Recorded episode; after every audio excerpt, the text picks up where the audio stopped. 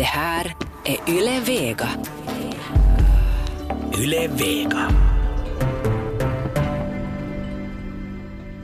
Hej och välkomna till Eftersnack. Det här är programmet där vi, upp, där vi gör upp om veckan som gått och i studion sitter en person som vars under hela livsstil, Mauri Pekkarinen, har suttit i riksdagen, nästan i alla fall. Nå nästan. Jeanette, Ja.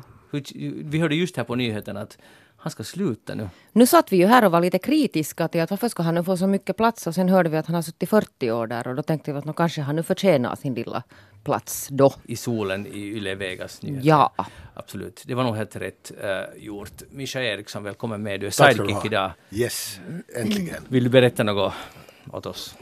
nej, nej, det är, jag reflekterar kring det tomrum som uppstår nu när Pekkarinen lämnar riksdagen. Vill du reflektera kring det? Ja, Nå. ja, nej, nej, jag sitter här för mig själv. Högt har jag inte ännu kommit till någonting värt att dela med mig. Känns det på något sätt i själen nu det här? Nå, vet du, det är lite så som ett tu tre Vannainvägar skulle byta namn. Hörru, du är ju en, du är en sån här, du är ju rektor. Ja. ja. Så, och van att säkert att improvisera. Så om du nu skulle måste skriva en tre, styckes, tre stycken text om Mauri Pekkarinens politiska karriär, vad skulle du författa där? Vad jag skulle nämna där? Ja. Ja, jag, jag måste säga att jag, det, jag är lite... Står... står Svamlar i mörkret. Ja, står, Nej, Famlar, står, famlar. i sva- mörkret. sva- svamlar, jag står lite det där utan svar här just nu. Ja. Vet men du, det kan vet du någonting? No, alltså det, tyvärr, det, det, det var en raka väg jag kommer att tänka på nu när jag pressar på det här sättet. Jag har stupé, men inte så mycket Men det tycker jag annat. vi inte ska nu pressa Nej. honom om. Men Nej. det är det enda politiska du kommer på. när det gäller Pekkarinen. Ja. Ja. inte kan jag säga nu vad han har drivit av. Aktiv, aktiv centerpartist, och där blir det. Okej, partiet visste Ja. ja. eh, Jeanette, Nej men alltså kan du hålla ett avskedstal åt honom? Verkligen inte. Nej. Jeanette Inte- något, inte vad har bli Mauri komplicerat. Pekkarinen gjort? Han har varit minister Nej, flera har- gånger. Det ja, har. nå det har han nu varit. Herregud, inte vad, vad har han gjort? Han har Inrikesminister, det måste han ha varit. Ja. Ja, mera. Ska vi fortsätta nu Vi innan fortsätter. avslöjar vår... Där ser ni hur allmänbildade vi är här inom politiken. Jag heter Magnus Lundén, programmet alltså Eftersnack. Vi har mycket att tala om. Listan är, vi ska se, det är hela tre sidor, en, två, tre sidor lång, så det blir en lång timme det här hörni. Det där, men först vill jag säga att, som jag alltid glömmer att säga det här, att vi finns då på facebook.com eftersnack och sen äh, finns vår podd på arenan. Och den blir alltid klar fredagar klockan 17. Så det, där, det finns många olika sätt att lyssna på eftersnack nu för tiden. Och ni får, når oss också på uh, eftersnack snabelayle.fi om ni vill kommunicera med oss och tycker att vi snackar strunt. Så låt komma bara. Vi diskuterar mycket gärna med alla som vill. Det där, och om två veckor har vi eftersnack på Ekenäs höstmarknad och jag fick idag höra att vi ska vara inne i ett tält, ett tält bland många tält. Så en av de här tälten, jag tror att Vega är där hela dagen, eller till och med två dagar och vi är där då förstås klockan 15.03. Så kom gärna dit om ni har vägarna förbi. Och särskilt om ni heter Björkqvist för då, för då är ni kanske släkt med mig. Ja, alltså det, det- så det finns alltså en västnyländsk variant. Jo, ja, av, därifrån kommer ju alltså Björkqvist. Grenen. men du brukar alltid skryta att du är från Pirla, jo, så jo, det är men, de flytt, ja, men. Björkqvist flyttade dit och hittade Sjöblom. Ser du, ser du. Väst och öst möttes. Ja, Just det, och, och så vi, om ursprungsbjörkvistarna skulle gärna få dyka upp. och berätta på vilket sätt vi är släkt. Ja, Jag har lite dålig koll här. och hur blev hon som hon blev? Ja, Hur gick det så här? Ja. Det där ser vi ännu mer fram emot. Hej, svenska valet är på söndagen. En thriller. Hela Europa står och... Eller kanske de inte står, men de tittar på vad som ska Kris hända i i Sverige. Bullerbyn, hade något tysk eller var det brittisk? Någon hade. Kris i Bullerbyn. I Svenska Dagbladet har man eh, bläddrat genom europeiska tidningar, förutom naturligtvis de finländska, men här citerar de veckotidningen Dit Zeit som skriver så här. En gång i tiden stod Skandinavien för framsteg, öppenhet och liberalism. Men de tiderna är förbi. Och sen skriver det citat slut. Sverige beskrivs som den sista bastionen som nu faller efter Norge och Finland, där högerpopulister sitter i regeringsställning, och Danmark där de är stödparti. Jeanette, är det här nu så som det kommer att gå? Ja, det där hur det än går så, det där, så är det väl klart att de här Sverigedemokraterna går framåt.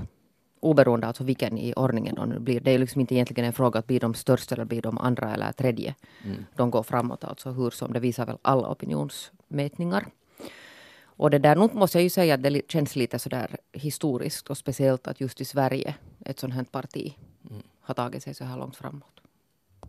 Är du ledsen för det? Nej, alltså det, ja, ledsen är nog kanske fel ord, men det där... Mm, då känns det ju lite speciellt för Sverige har ju varit på något sätt hela världens sån här liksom skolexempel på folkhemmet och, och den här välfärdsstaten och den här, vet ni, den här världens samvete och vad allt de nu har liksom kallat sig. Och blivit kallade också. Och, och sen har vi då den här, det är ju alltså no, det är ju histor ett, ett historiskt val. Men försvinner verkligen folkhemmet i och med det här valet? Nej men alltså nu är det det där om man får alltså om man tänker på Sverigedemokraternas rötter om man tänker att det här är ett parti som nu har tagit sig så här långt framåt. Mm. På alltså stormsteg. Och det är ju inte, jag menar varför skulle det inte hända så i Sverige när det händer överallt annanstans men det var ändå på något sätt tänkte man att att Sverige skulle ha gjort någonting annorlunda. Mm. Men det är inte just det de försöker spela på, att de vill bevara folkhemmet. Det här argumenten som de på något no, ja, men det kan de ju göra med, men ja. där att om man tänker det på ett annat, ur, ett an, ur en annan synvinkel alltså. Mm. Mm. Ja, naturligtvis ja, men fortfarande, det är liksom den här retoriken de spelar väldigt skickligt på. Att de då vill bevara folkhemmet och inte då vill leda in det i, i de svårigheter som de, som de då påstår att, att existerar i alla utmaningar de lyfter fram. Så det där de här, de här, hur ska jag kalla det, historiska hänvisningarna så är just precis de som de använder också i den här diskussionen och det är det som gör det så fruktansvärt komplicerat. Det är intressant, det har vi talat om tidigare, vi behöver inte gå in på det nu hemskt mycket, men att vilken tid, när exakt var Finland perfekt och när var Sverige perfekt? Ja. Vilken, vilken tid är det man syftar på? Absolut. 50-talet, 70-talet, vad, vad är det? Jo, jo absolut. Jo. Jag menar, det har aldrig funnits något i den här stilen som en Ja, jag menar det, det, var helt enkelt inte bättre förr. Jag menar om, om du tar och funderar på överlag i vilken tidsålder ni skulle välja att födas om ni helt slummässigt skulle få någon, någon det där årtionde eller årtal att placeras i. Så nu är det 2018 som jag skulle välja.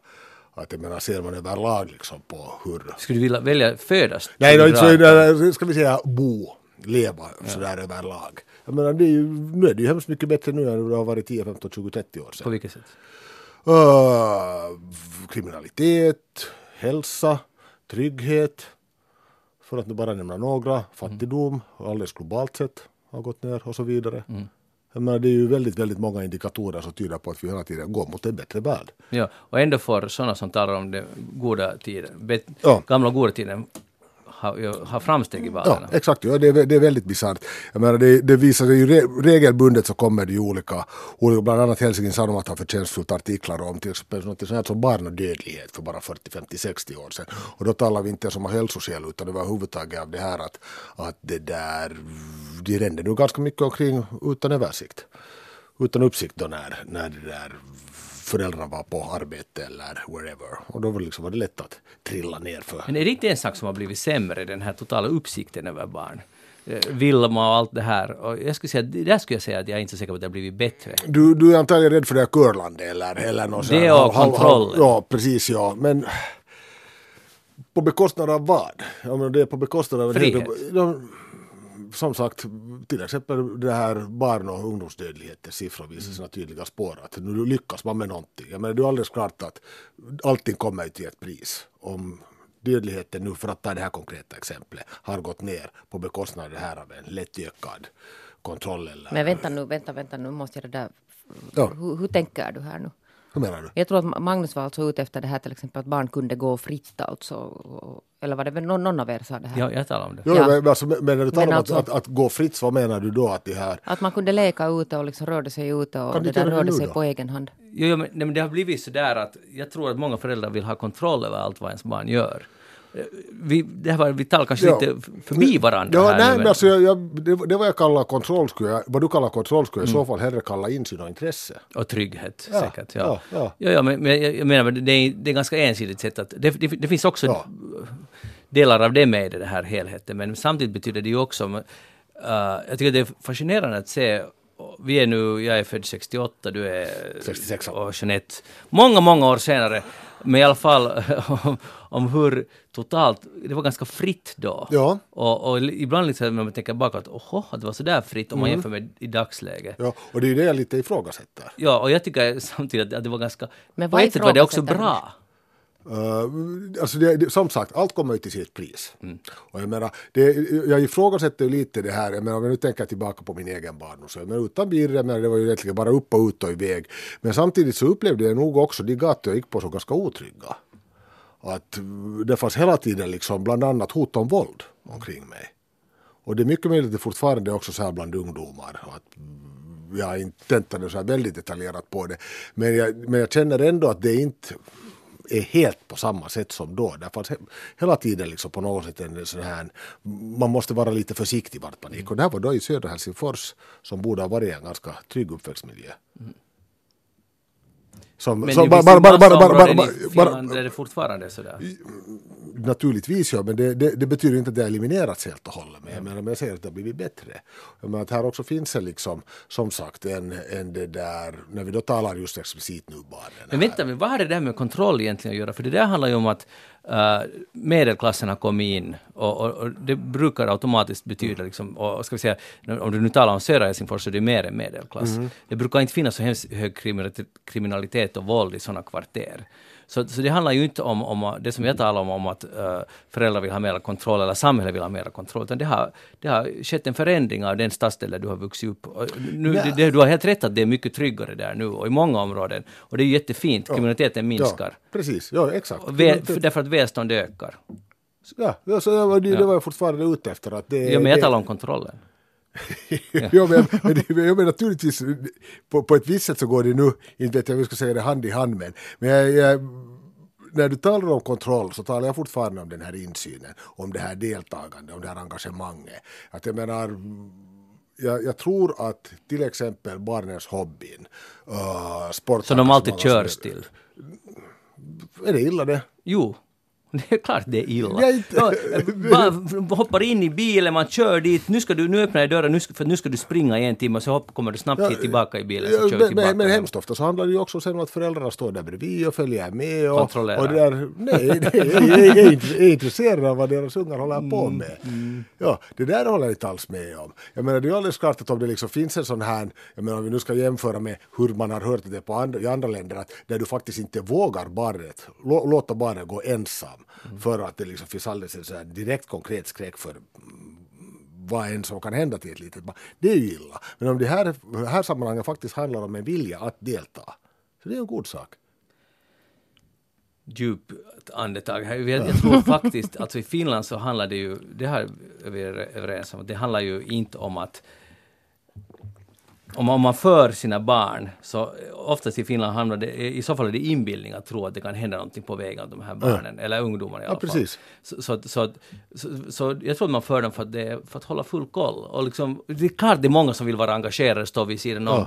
Men inte vet jag nu hur många egentligen som, som, som man går på varenda träning och jag tycker att det är inte så sunt alltid. Att låt dem, låt dem ha sin, sitt liv och sina träningar. Och, och vad jag egentligen menar är, för jag är själv ofta, mm. eller inte ofta, men ibland på träningar, no, inte nu för tiden, men jag har varit och på matcher, så jag tycker det är ganska ja. roligt. Ja. Men vad jag menar är att, att vad jag nu syftar på, det är att, att man för dem dit, för dem dit, nu ska ni springa en timme eller en och en halv och så kommer vi, hoppar vi tillbaka. Förut var det så att man kunde cykla, man kunde bara vara ute och nu, nu är igen det här, allt var bättre förr, jag säger inte det, men menar att, att det var mycket friare. Nu är det alltid organiserat och allting kostar. Ja, men, men det, det, det, är ju sen en, en, helt annan femma i sin tur. Det här att det är alldeles klart att, att det här att fritidsnöjen, hobbyn och så vidare, just som du säger, bör vara organiserade och kostade. Det är liksom lite bakåt. Det inte bara finns liksom så här pipolätka som man får ut och, mm. och lirar på bakgården med kompisarna, mm. utan sen ska man fara iväg till en betald organiserad mm. spelgrej. Men, men, det, men det är ju sen en tredje diskussion.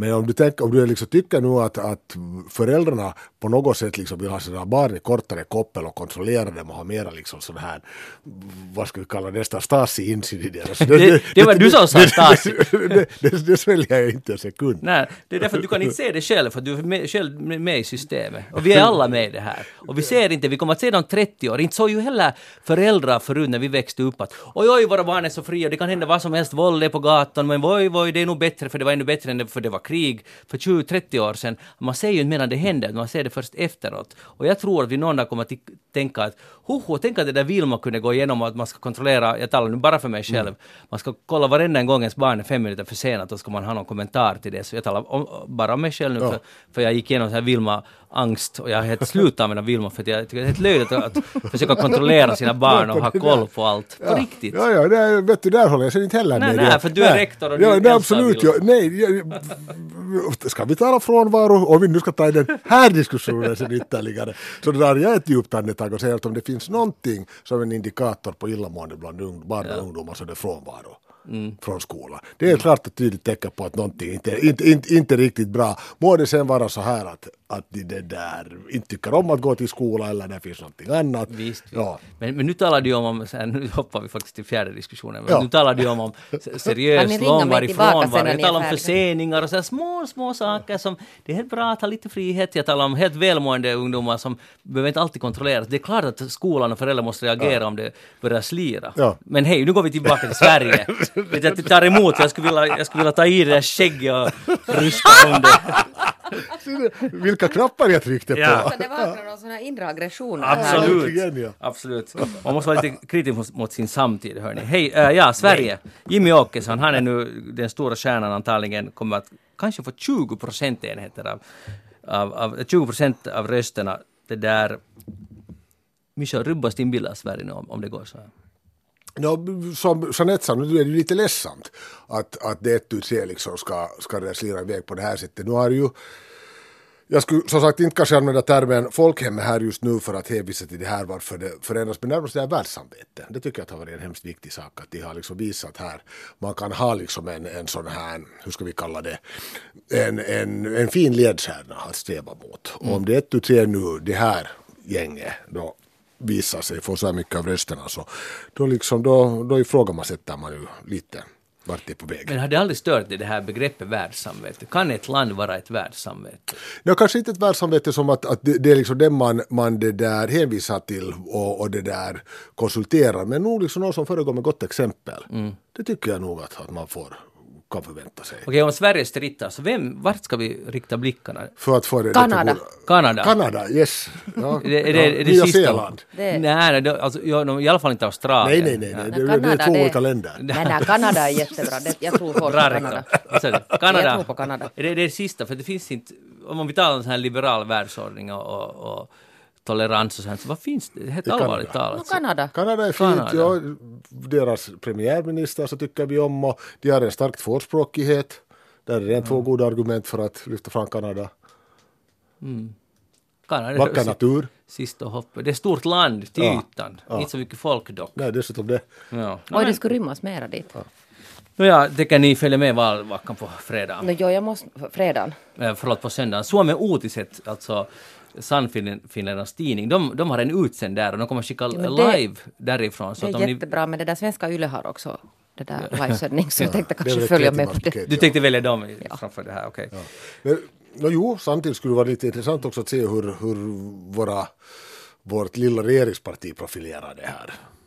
Men du kan titta på den och så rapporterar du sen där på Men han har här just om det där nyanserade jo, alla sidor. Ja. Svenska Dagbladet hade sån här, de hade gjort en granskning tillsammans med en filosofiprofessor, skulle jag påstå att han var. Ja, eller det är just vad han var vid Linköpings universitet, Fredrik Stjernberg. Så de har börjat fundera på att svarar politikerna verkligen på frågorna? Som man ställer dem i en intervju eller i debatter. Så kom de fram till att endast två av åtta partiledare besvarar faktiskt frågorna. Att, och sen har de talat med någon expert som säger att, att det är faktiskt så att det finns 30 olika metoder att inte svara på en fråga. Som är alltså inövade. 30 olika sådana standard. Att man liksom, antingen att man eh, svarar på den fråga som man själv hade, som man vill själv svara på så att säga. Eller man helt enkelt inte svarar eller börjar tala om något annat. Eller bekräftar frågan men utan att svara på den. Vilka var dessa två partier som... Och där var de, använde de som exempel att tycker du att stämmer det att du uh, körde du över hastighet idag på vägen till jobbet? Så svarar man vårt parti har alltid prioriterat trafiksäkerhet. Det för oss är det viktigt. Alltså, då svarar man inte på frågan utan man liksom jättesnyggt utan att man som tittare först efteråt när man börjar liksom läsa det i text. Shit, den människan svarar ju inte alls. Och kritik mot journalistiken. inga följdfrågor. Att man låter sånt här passera och det är det, de är proffs de här. De, de vet hur man uh, avviker från den här frågan och, och, och tar sitt eget tema istället. Och journalisterna är lata. Det här är deras analys.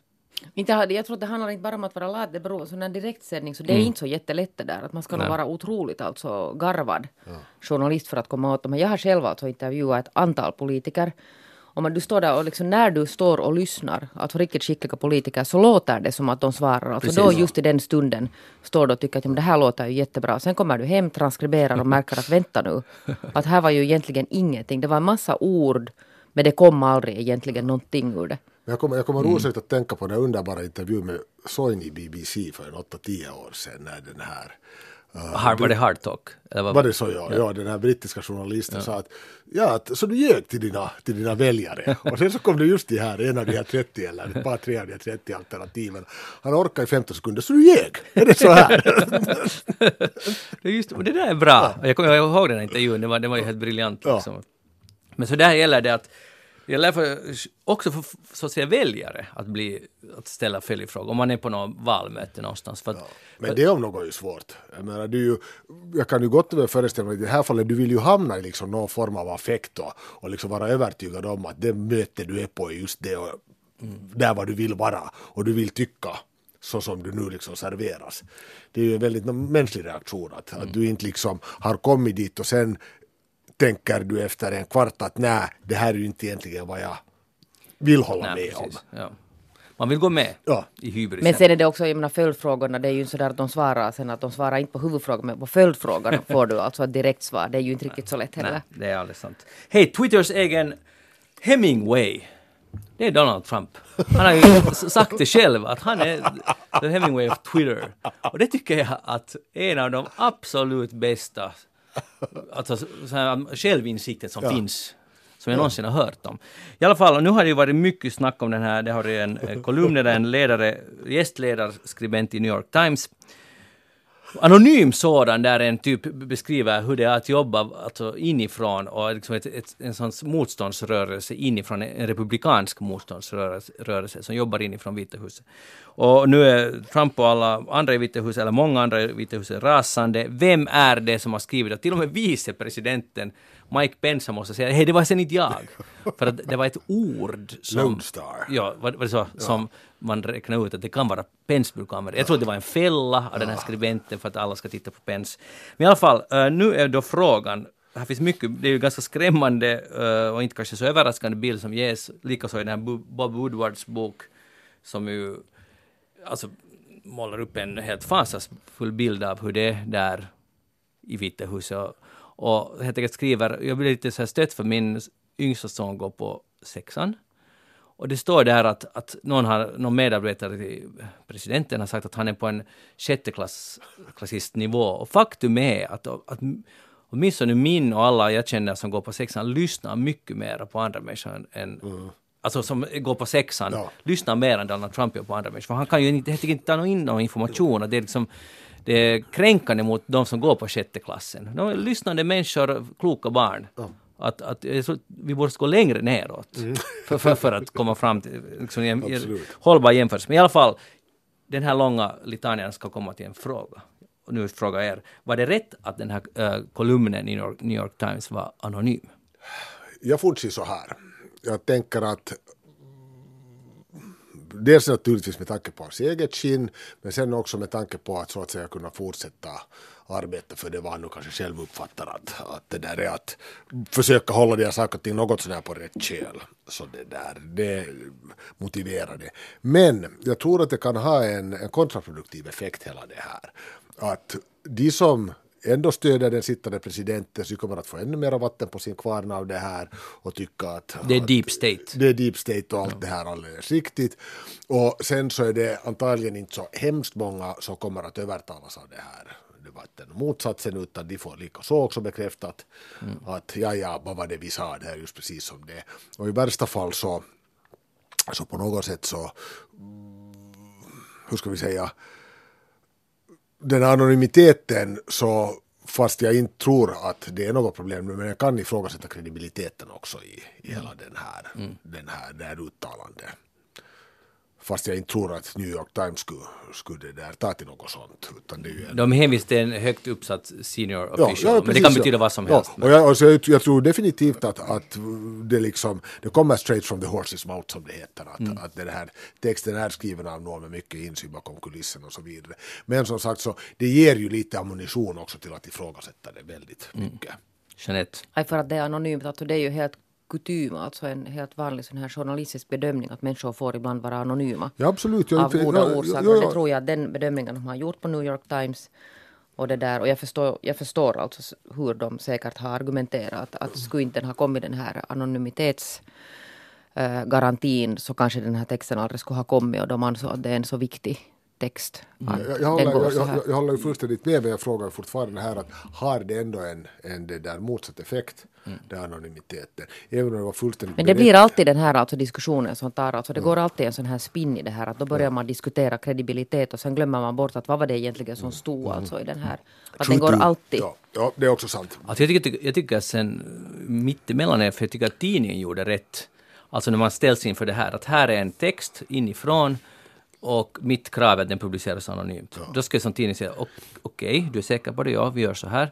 Men om jag ska vara den här uh, hen som det gäller, så jag tycker att nog att, att kritiken mot henne är helt rätt, att det är relativt fegt att skriva som, det är inte en folkvald person, det är en tjänsteman antagligen, eller det är det. Att den skulle kunna, om den verkligen skulle vilja jobba för landets bästa, så skulle den begära avsked och hålla en presskonferens nästa dag. Så ska- Och att så lägga här sig själv alltså på bricka, brickan för att slaktas. Ja, först slaktas av Trumps Men- men- soldater, det stämmer. Ja, men men vi- men det kommer att komma fram vem det är Ja, men, vi ska ändå. inte, men vi ska inte glömma bort att för 50 år sedan, något där, så 55 år sedan, så var det ju också en anonym insider som fällde en president, Deep Throat. Och han kom ju fram för ungefär en 10-15 år sedan, 30 år efteråt. Och då liksom så, säkert fördes samma diskussioner där då också, men ingen så här nu med historiens, historien i ögonen tycker att det var fel att, att det, där, det var anonymt. Och där var ju Woodward involverad. Där var Woodward involverad. Det var inte riktigt samma sak för att Deep Throat var aldrig själv, gick inte själv ut och skrev utan han liksom Förså med dokument. Ja, och försökte få dem att tänka själva och jobba, hitta liksom källorna själva.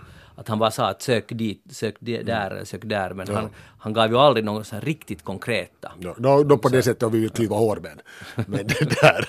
Och det vill vi. Det vill vi. Vi, vi vill klyva skäggstrån framförallt.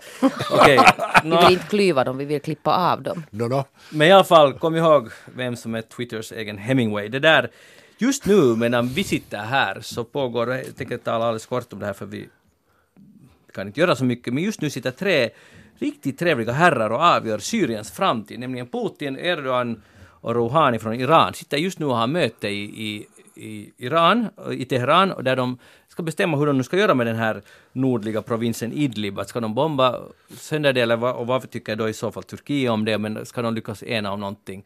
enas om någonting. Och jag bara funderar, när de här tre sitter tillsammans, kan det komma något gott ur det? Jag vet inte heller vem som skulle ha något mer konstigt att, komma med, men att nu är man ju lite mörkrädd. Hicka. Hicka. Och, och, och det här kan inledas riktigt seriösa bombningar om de nu är överens att okej, ni tar det där och vi gör så här och, och allas intressen är garderade så, så, så börjar det. Jeanette, Ja, vad vill du att jag ska säga till det här? nu säg att, att det fixar sig. Att det, är att det är mysförberedda hela vägen. Ja. Ska vi ha någon sån här, den här positiva dagen eller den här... Har nu en Jeanette-dag, så en negativ Nå det där dag. inte vet jag, nu det, det, det, åt- det går något pipa. Det går att pipa riktigt ordentligt. Och för den som inte tror Men det är alltså helt fruktansvärt. Alltså det är på riktigt jättehemskt det här. Ja. Här kan vi sitta lite sådär små fnittra men det är ju alltså... Nej, det är nog absolut inget att fnittra åt, det har du rätt i. Det där, på Ra- 1, alltså statliga kanalen i, i Ryssland, så hade den här veckan börjat ett nytt program som heter Moskva, Kreml, Putin. Och det är liksom en reality show där som först är det en massa dittan och dattan, bara vanligt snack och sådär, men i, i alla fall i första avsnittets typ 10-15 sista minuten så är, får man följa med när Putin är alltså i, jag är lite avundsjuk för han har varit idag i Tannu som är där i södra Sibirien, gränsen till Mongoliet tror jag, ganska jättespeciell liten republik, men som hör till Ryssland då. Men han, han går omkring där och plockar svamp, åker båt och tittar på fåglar och, och liksom är ett med djurvärlden, så säger hans präst, den här ansvariga, säger att, att också björnarna har respekt för Putin. Att de vet hur de ska bete sig när Putin är där. Och det här tycker jag är ganska coolt. Att man säger det, det här är alltså åt hela Rysslands folk, nu när det här, han är lite, lite illa ute när den här pensionärsreformen, pensionsreformen ursäkta, kommer och, och nu måste man hitta på någonting. Men, men det kommer ett avsnitt en gång i veckan, alltid söndag kväll klockan 22. Man kan se det på Youtube. Vi ska lägga ut en länk på facebook.com eftersnack om ni vill se hur det går till, inte alls så långt borta från Finland, hur man, den här propagandan funkar. Och han, alltså han är jättesympatisk. Han säger att han, att han är en, alltså en mycket human människa. Han tycker om människor och barn, men också djur. Och så plockar han svamp och bär. Han är liksom en, verkligen en sån här mångdimensionell person. Och till och med björnarna respekterar Ja. Jag tycker att det var fint. Ja, det, är det, det, det är inte alls så illa. Mycket bättre än vad vi någonsin hade trott. Jeanette Björkqvist, vad har du tänkt på den här veckan? Vet du, jag, alltså, jag har ju inte tänkt på någonting annat än jobb. För jag hade där nu för första gången i mitt liv gjort ett eh, på riktigt alltså tv-program som jag inte alltså kan göra tv. Nu har du gjort TV förut. Ja, men inte riktigt på det här sättet Okej. med manus och grejer. Och dessutom har jag gjort det alltså på finska. Och, det där, och jag kan säga att det där, den här känslan av att ha blivit överkörd, så manglad av en asfalt, vad heter de här nu när man kör? Vrum, vrum, vrum, vrum. Ångvält. Ångvält, ångvält har jag liksom. Jag var, igår var jag sådär som att nu är jag helt platt så här puff. För att det där, man måste ju då det där pröva på en massa saker och sen kan man ju pröva då på allt på en gång. Och det där här var ju en massa saker skulle man kunna säga om det här. Om vad då? om alltså det här att, att göra, göra på finska och göra TV. Men det där, men jag tänkte kanske, jag sa att Magnus idag när vi gick på en liten lunch här i detta fina Bölehus. Vegetarisk lunch. vegetarisk lunch. Alltså underbart att få komma hit och prata svenska. Ah. Att nu är det ju skönt vet ni när man sen plötsligt kan känna sig bekväm. För att det där för att det där, jag vet inte hur bekväm, alltså jag, har ju, jag är ju helt bekväm med att tala finska men det där nog, sen i något skede så kommer man ju fram till de här alltså gränserna där man börjar inse sin egen, sina egna tillkortakommanden. Ja, Men- men, men men, men, det, men det är ju så här och det är ju efter att ha jobbat i många herrans år i, i västra Nyland, svenskspråkigt, så identifierar jag det här hemskt starkt, jag menar bara det här att vart du än ringde, vad du än skulle reda ut, liksom, må det vara liksom någon i samhället eller skulle det vara liksom någon i den här organisationen och så vidare, så det var raka vägen eget modersmål som du liksom öppnar upp och börjar snacka. Liksom. Som, det, det, det minskar ju på något sätt på någon sån här, hur ska vi kalla det, kognitiv tyngd som, som du har där du liksom inte hela tiden måste lite översätta i ditt huvud oberoende av hur flyttande du är. Och många som inflyttande, inflyttande både antingen dit eller till Sjundeö eller andra så här starkare svenskspråkiga re- re- regioner väster om, väster om huvudstadsregionen. Så jag menar också att de tycker att det är jätteskönt att det är, liksom, det är aldrig ens en ifrågasättande här att förstår någon mig när jag pratar mitt modersmål. Bara tuta och köra, där får man. Och nu är det, liksom, nu är det ju liksom ett, ett bump mindre. Det här betyder inte att man liksom skulle undvika finskan men att man klarar sig alltid på eget modersmål. Som ändå är en väldigt stark del av ens identitet. Jag har varit alltså jätteintresserad av det här för att jag har ju varit tvungen att skriva manus på finska också. Ja. Programmet kommer på måndagen klockan 20, alltså det är mått. Men det där... Och vad är tema? Ser du det? fall? Uh, ja, det är de här, eh, de här thailändska massageställena och de här thailändska kvinnorna är den här liksom huvudtema. Men, det där, men sen har jag ju kört, och det här är alltså inte nu bara måttredaktionen utan för att, jag, för att jag är lite osäker på finska och jag känner en massa finnar så har jag ju alltså testkört mina texter hela tiden. Alltså bett till exempel hemma och sen en del vänner alltså utanför för de här kretsarna att korra alltså innan jag ger dem vidare alltså till min producent. Och det måste jag säga att nu har fi, finskspråkiga har nog ett jättespeciellt sätt att det där korrigera när man gör något lite fel. På vilket sätt? Och det är ju inte kanske alltid så diplomatiskt. Men men jag kan inte Ja, tro det är att du gör så hemskt herregud, mycket. jo jag gör massor med fel, vet du, det har nog blivit klart. Skriftspråk är ju alltid svårt. Herregud, det är svårt det här Ja. finska språket, alltså att skriva, vet ni, de här kommateckensreglerna. Liksom, Jo det är men ju- det är framförallt, min, min hustru är ju, hon, hon jobbar ju med språk. Och jag menar när hon kommer igång och börjar diskutera då liksom de korrekta kommateringsreglerna. och hur-. Och hur slarviga folk är överlag i dem, till och med på Helsing- Alltså också finskspråkiga just. Ja, alltså hon är ju finskspråkig. Ja. Nej, men- Ja, och jag menar, och det finska språkets kommateringsregler. Så jag menar, alltså, det, är, det tar aldrig slut. Men alltså jag brukar göra så när jag skriver en mail på finska, att först skriver jag det helt liksom råtext Ja. och sen sätter jag in massa kommatecken. Ja. Ganska random. Men vet du, det var någon, alltså, det är lite som i engelskan, att vet du inte var de ska sitta så är det nog bäst att du inte sätter dit dem Jag alls. skulle säga att det är det, för att ibland sen när jag läser igenom det så tycker jag att, att här saknas nog något. Så kommer No, jag på, det är framför, just ett, kommatecknen. framför ettor ska man alltid ha, men det finns ju ingen logik alltså, i alltså, hur man ska strö alltså, jag, jag, jag har lärt mig så pass mycket. Det är nu en sån enkel tumregel att antagligen kommer nu en och annan språk fascist över linjerna. Men varje gång som du liksom har en ny bisats, vet du, där finns ett subjekt. Nej men det lär inte stämma Jo, riktigt jo, det Är här. det inte det- mer komplicerat än så? Nej, nej, då, före det ska du klämma ett kommatecken. Nej men vet ni, jag har lite kommaterat sådär som man gör i svenska, för det kan jag ju. verb. Och det funkar inte alls alltså på finska. Men det är inte liksom ens det, utan för att sen plötsligt så inser man ju också att, att, att hela liksom sättet att berätta saker görs på ett annat sätt. Alltså, vi- på svenska så går man in i saker från helt andra alltså håll. Och, och liksom det, det är liksom hela den här på något sätt strukturen av det här språket. Alltså, ja, men det klassiska är ju när du, när du producerar någonting på ett främmande språk, i det här fallet då finska, att, att du, du skriver svenska på finska. Det kan kommatecknen kan vara på rätt ställe och, Jo. det kan liksom, och det är alldeles glasklart, men där är någonting då i den här satskonstruktionen som en native aldrig skulle göra. Nej, nej, och så sitter du där med någon finne som är helt så här tyst, djup suck. Alltså vill du att Ja, jag men det- verkligen ska men korrigera Det- allting nu? Det, alltså det är lite så här som Yoda pratar engelska i Star Wars. Men jag skulle säga att jag har inte alls den, jag, jag håller inte riktigt med. Alltså det här är ju människor vars jobb är språk. Nå inte alla, alltså, här, alla har nog inte alltså som jobbat det här språket. Alltså jag talar ju om att jag har lite utlokaliserat det här Ja, du har åkt till kompisar. Okej, men för jag tycker nog att, jag tycker att det är en myt det där att, att finskspråket skulle vara jättestränga med hur det är. Inte, inte Ja, men att- jag, rå- alltså alla mina vänner är nog väldigt stränga. Aha. Du Och min gubbe. stränga vänner. Jag stöter mest på snälla.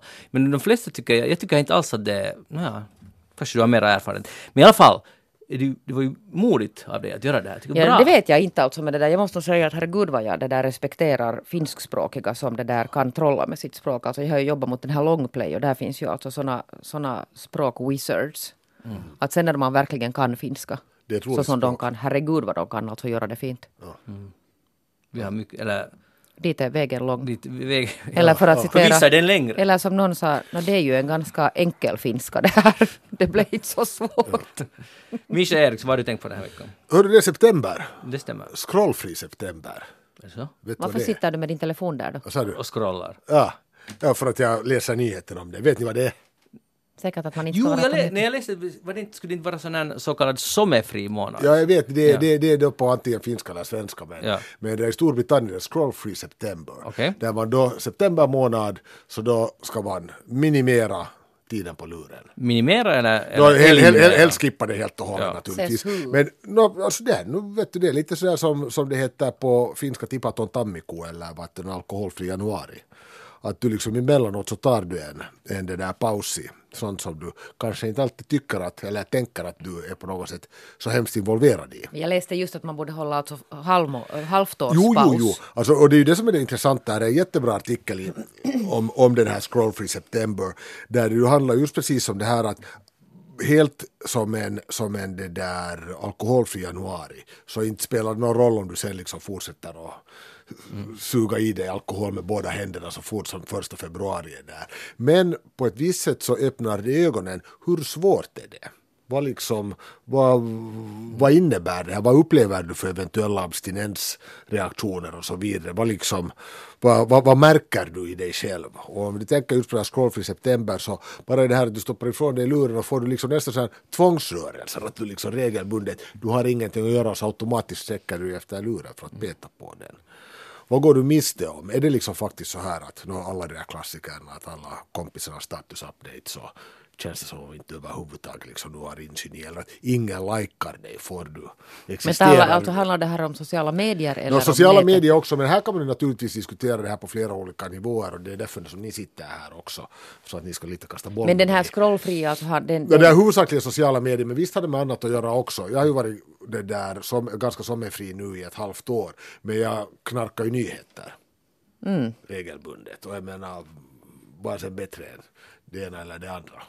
Jo, alltså att vara utan sociala medier, så där kan jag anmäla mig direkt. Ja, det är det är inga problem. Och jag kan lite mansplaina åt er om en annan sak. Att, det där, att, att när, när jag har då den här vegetariska månaden då, så, så och jag framförallt talar nu till Jeanette som inte vet någonting om hur det är att vara vegetarian. I alla fall, så då, det har e- effekten, just det som du sa, Mikael, att, att en månad är ingenting Nej. på det sättet och det är inte så svårt, eller det är lätt. Men det har effekt många månader framöver för att man vänjer sig av med någon gång märker att inte behöver man alltid Ja. där, den där mätvursten var inte helt Ja. nödvändig alltid. Och, och, 500 grams biff. Ja, den är inte alls, man överlever, man kan gå i krig till och med Ja. på, på, på linser eller hur det nu var. I alla fall blomkålssmoothie. Så, så det går att göra. Så, så det, det är liksom tycker alla sådana här pauser, om man tycker man gör någonting för mycket så är det alltid bra att ta en må- månads paus. Ja, ja, ja exakt. Ja. Men det där, nu läste jag precis alltså just före jag kom hit, så just om de här sociala medierna, för att det där, om man har då problem med, med, med som ganska många har, så brukar det leda till någon form av sån här lite personlighets, vet ni, sån här förskjutningar, att man liksom börjar förändra personlighet om man är för mycket. Alltså Ja. så här. Och för att, det där, för att testa och på något sätt liksom tillfriskna ur det här så, så skulle det kräva alltså faktiskt man är ett halvt år Säkert, utan. Att det, då är det faktiskt inte alltså en månad. Och det var alltså någon som hade hoppat av de här Facebook och han hade varit inne. Alltså det var inte de här, vi det var någon helt ny. Han har skrivit en bok, det så kom ut en, någon ny bok. Dagens Nyheter hade intervjuat honom. Ja, alltså i så fall, jag tror att om man är ett år ute så sen är man fri så att säga. Ja, eller fri- eller fri och fri, men då liksom... Behöver då, man då, då, då, då, då, då har man inte mera den där apan på ryggen. Men, det, men jag tänker närmast just där, som sagt igen, det är helt sant. Är det liksom så här att du är liksom så slaviskt beroende av det här att du behöver ett halvt år för att, för att din personlighet ska återgå. Så den där ena månaden så lyckas åtminstone skicka några signaler åt dig. Hur svårt är det? Om det liksom känns väldigt svårt så då måste du ta den där fem månaderna. Men om man nu bara tar den där ena månaden så kanske man skulle kunna försöka sig på att inte heller scrolla på nyheter, Mischa. True to, ja. ja Hela tiden i alla fall. Kanske framförallt alltid när man kör bil eller något sånt. Nej, det är inte nej, så bra. det gör det inte. Visst gör du? Nå, nej. nej. nej. men det gör ju alla andra. Det hälsade rektorn och ljög och blev röd i Nej, ansiktet. faktum är att jag, jag tar tåg till jobbet. Tar du det- nu tåg till jobbet? Jajamensan. Bra! Ja, ja. Sen här i något skede så kan vi jubla över, över det där HRTs nya telefonbiljett. Den gillar jag. Men anyway, så, så det där... Hur, hur konsumerar man nyheter då? Jag menar, är det så här att man... Du ska läsa Men papperstidningen. det gör jag varje och morgon. lyssna på Varje morgon jag morgonnyheterna. Och så upp. tittar du på kvällsnyheterna. Nej, nej, nej. vad har hänt med dig nu? Alltså, Det- du, du läser papperstidning och åker tåg. Det är, papperstidning har jag alltid läst. Är det så? Ja, ja. Till, och- till och med på stugan när jag inte får Helsingin Sanomat levererat så läser jag den här Näköispainos. Det vill säga den här som ser ut som en riktig tidning. Ja, det är annars, E-tidningen. ja, ja, men inte, men inte, nej, det är inte den jättetidning, den här som faktiskt är som en... En PDF så, Ja, liksom. precis, Jo, jo. ja, av det där, ja. Gulligt. Ja, läser inte du det? Jag läser bara papperstidningar. Så jag menar, Så aldrig en tidning på en platta eller på skärmen? någon gång om jag... Ja, no, jo, alltså, jo, jo, nyheter på skärm förstås, Ja. men, men alltså på dator. Ja, men anyway, så det där... TV tittar jag inte på. Så där far det här TV-nytt. Det finns på arenan. Men nu, du talar nu så ganska mycket, men ska du vara med i det här eller ska du inte? Jag sitter just och funderar på att är det paha om jag läser nyheter men inte överhuvudtaget på sociala medier. Alltså, Nå, det där om du är sådär maniskt hela tiden vet du, med näsan där fast i den där skärmen och kollar nu, för det finns ju obegränsade mängder Ja, nyheter. ja, det här är helt klart. Det här är, Bisha, jag glad att du frågar för att vårt ord är lag.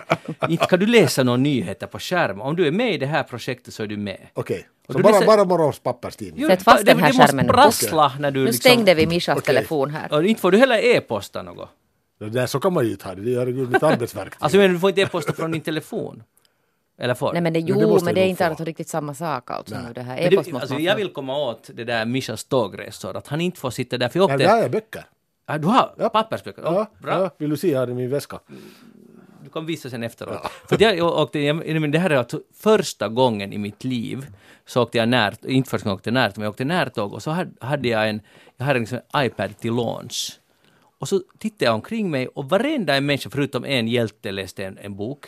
En, en pappersbok. Kanske någon annan också läste bok på skärmen. Det var så inte så ut för någon scrollade och höll Mm. på.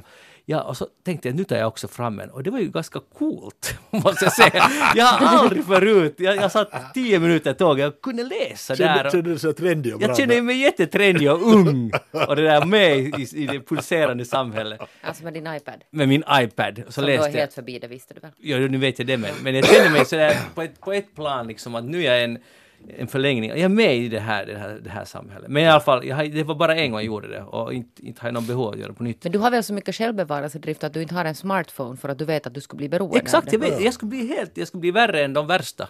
Uh, jag måste hålla mig borta från smartphone. Det är nog bara så det är. Men, men, men att det där, det finns så mycket att läsa. Ja, ja, det är ju det- det, man blir ju crazy och sen Ja. exploderar huvudet. Bättre att titta ut genom fönstret.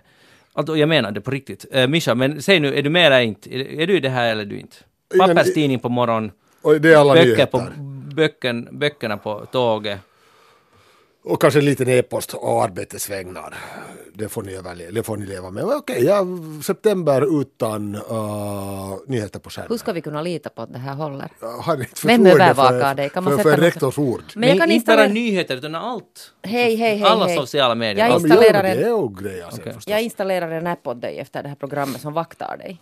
Ja, det, finns, Det finns- På, på tal om kontroll så Ja. finns det nämligen sådana appar som, som man ska kolla vad ens barn gör på Är skärmen. det inte bra det? Ja, det det är både bra och dåligt. Ja. ja, Det, absolut finns det en ny, stor nytta av det, men det finns också stor sämre saker. Ja, det beror på om du missbrukar det. Ja. Ja, det måste ett förtroende vara något sånär ömsesidigt.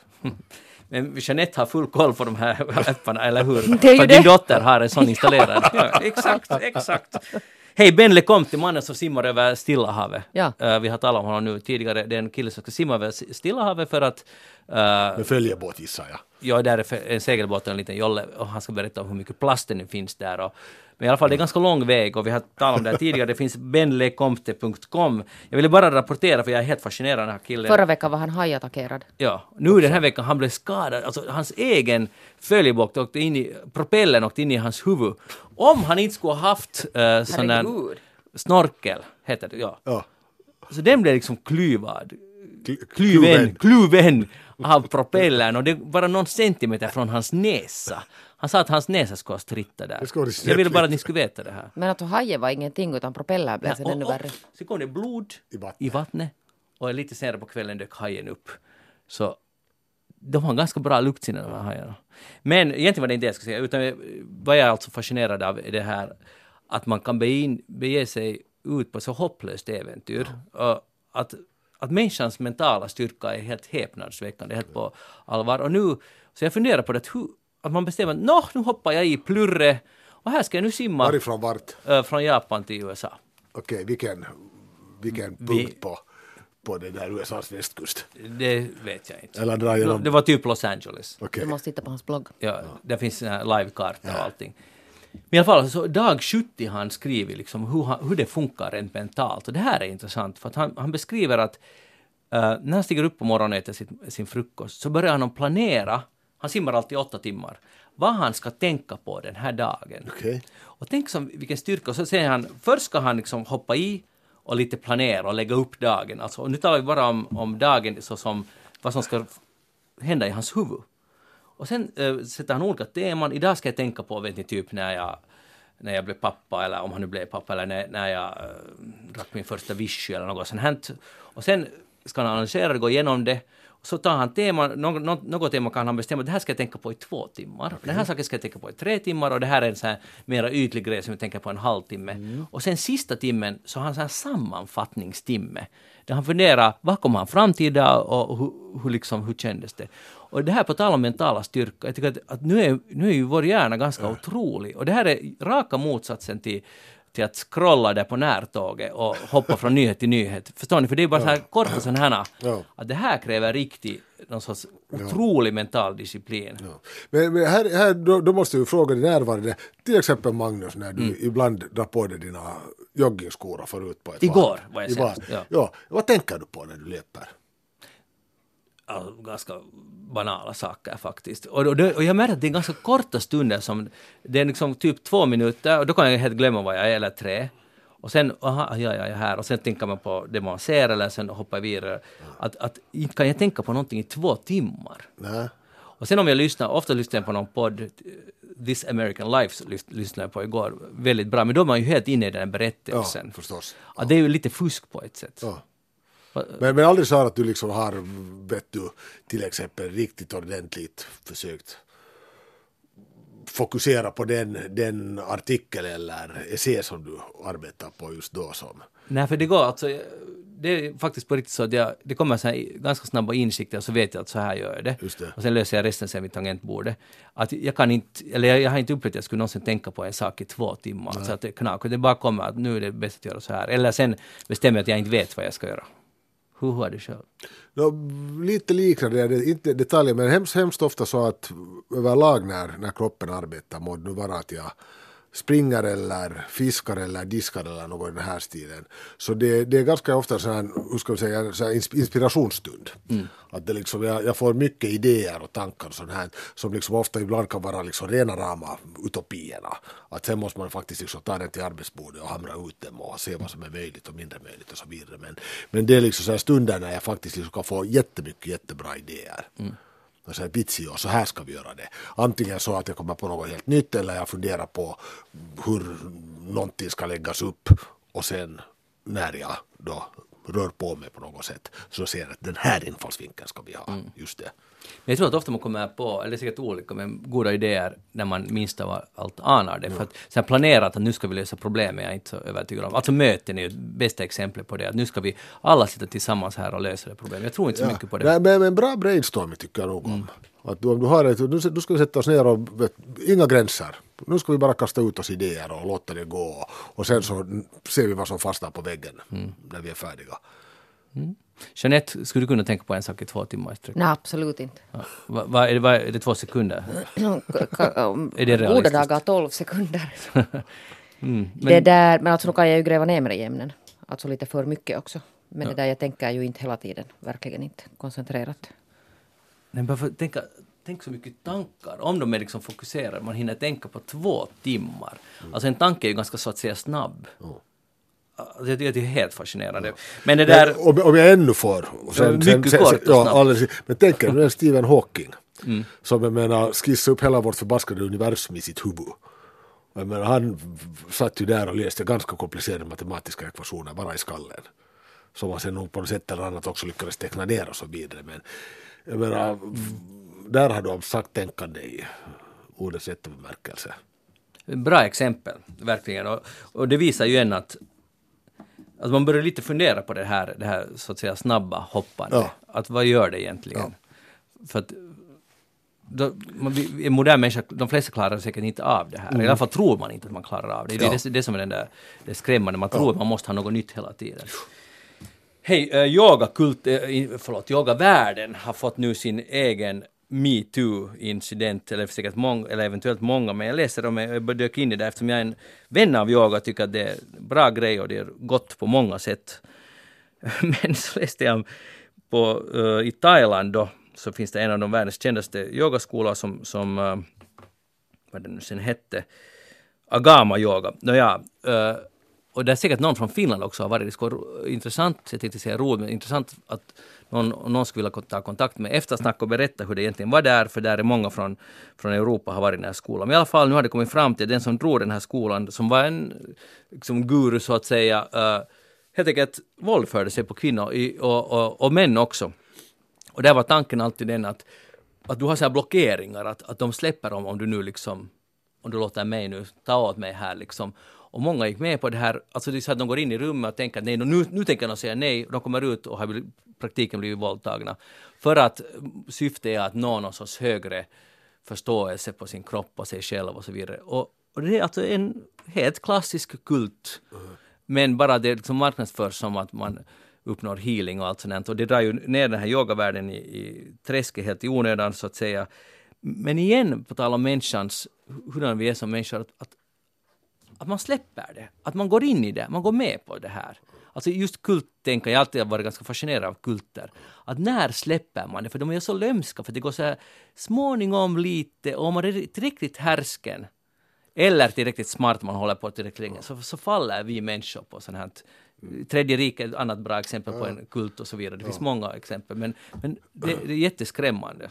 Absolut, ja. Jag, menar, jag hänvisar igen till det här som vi pratade om för en halvtimme sedan ungefär. Det här att när du i något skede då tänker att det har gått för långt, så menar, då skulle du på något sätt måste erkänna att nej 17, nu har jag haft fel så här länge. Ja, och det är och det, det, det är en jätte, jättesvår grej att det handlar om det här, ja, det här stegvis vunna förtroende som sen på något sätt då liksom tvingar den som har blivit lurad att, att det där erkänna att herregud, så jag nog ett, tre hade fel. Och det är inte lätt för just någon överhuvudtaget.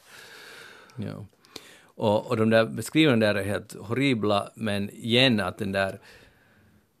Och, och, ja, och ingen är någonsin ensam, för de andra lärarna på den här skolan, alltså det här är inte någon liten skola, den är stor, alltså som internationell, så de har också varit med i det här, och alla har haft den här samma liksom policyn att, jag, jag ska hjälpa dig, men du måste liksom släppa det och då blir allt bra. Att ditt stora problem, någon kommer dit med ångest, att hur ska jag lösa ja, du, du löser om du, har- om du har sex med mig nu.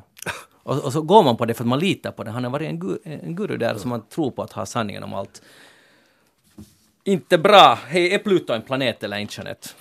Nej. Nej. Just det. Jo, igen!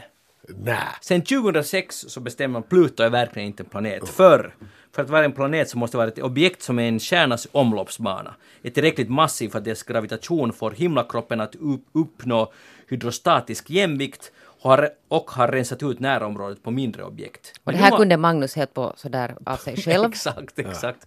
Nu har Philip Metzger och hans forskarkollega vid University of Central Florida skrivit att det här är egentligen struntprat för att då skulle då är inte någon planet planet, alltså alla planeter, alltså som alla himlakroppar planeter, det är helt ohållbar den här. Och det finns inte någon sorts konsensus om det här. Och nu måste vi börja kalla Pluto för en planet, igen. Och det här blir ju jättespännande för att måste man då trycka också de finländska läroböckerna på nytt för att nu just när man har hunnit stryka över Pluto, inte, inte planet. Och nu kanske jag måste komma tillbaka. Innan vi tog det alltså återinförde de finska länen också. Ja. där- där- Har de varit borta här? Nylands län. Ingen tar vårt Nylands län. Nej men, uh, Mischa, kö, köper du det här nu? Eh, jag, jag förstår utmaningen men följdfrågan är om vi nu tar tillbaka Pluto i planetfamiljen. Ja. Så hur många andra stenar snurrar det där runt Pluto som uppfyller kraven? Ja, det är och tar, det. tar ditt namnen slut så småningom? Ja, dessutom det. Uh, nu var det, ju, men nu var det ju lätt på den, i så fall om det nu skulle finnas 150 planeter man måste lära sig. Att det var ju otroligt vackert och lätt så som det var förut i skolböckerna. Saturnus har de här ringarna och Ja, Jupiter är stor och, Ja, ja, Neptunus är blå och Ja, och jag är alltid på Uranus, för ingen annan hejar på Uranus. Det är liksom jätte okänd planet. Uranus. Tack, tack. Jag är rektor Eriksson från Kyrkslätt gymnasium. Och Jeanette vill ju en sista. Kommentar på Pluto. Ja. Jag känner att det är just den här, inga personer nu just. Har du, planeter betyder ingenting för dig Jo, alls. jättemycket men det där inte just nu denna fredag eftermiddag. Du vill, du vill bara få hem nu. Jag vill nog bara gå hem och lägga mig som den trasa jag är. Okej, till sist, jag var ju då i Oslo förra, förra ja, på måndag, tisdag. Och jag vandrade i Oslos gator, det vill säga ett gott På? exempel på Oslos gator. Och de har gatskyltar, om den heter nå, vet du, Hedvig någonting, gatan, så står det under vem den här personen var. Och det här tänkte jag, det är någonting vi borde införa i Finland. Det är jätteallmänbildande. Här finns gott om gator, till exempel i Haga i, i Helsingfors. Personer jag aldrig har hört om. Jag vill veta vem de här människorna är. Säger ni tummen upp eller nej? Tummen upp, absolut. Ja, ja. Ja. Jättedålig idé. kä- kä- Känsla för sin stad. Jeanette Björkqvist, det var, det var ljuvligt att ha dig här och ditt program kommer på måndag på TV 1 klockan 20. och det var Mischa Eriksson, tack för att du var här idag. Jag heter Alltid Magnus kul. Londén, programmet alltså Eftersnack, det vet ni redan. Vi hörs igen om en vecka då vi är tillbaka, tillbaka med nya sanningar och nya tyckanden. Vi hörs då, hej då.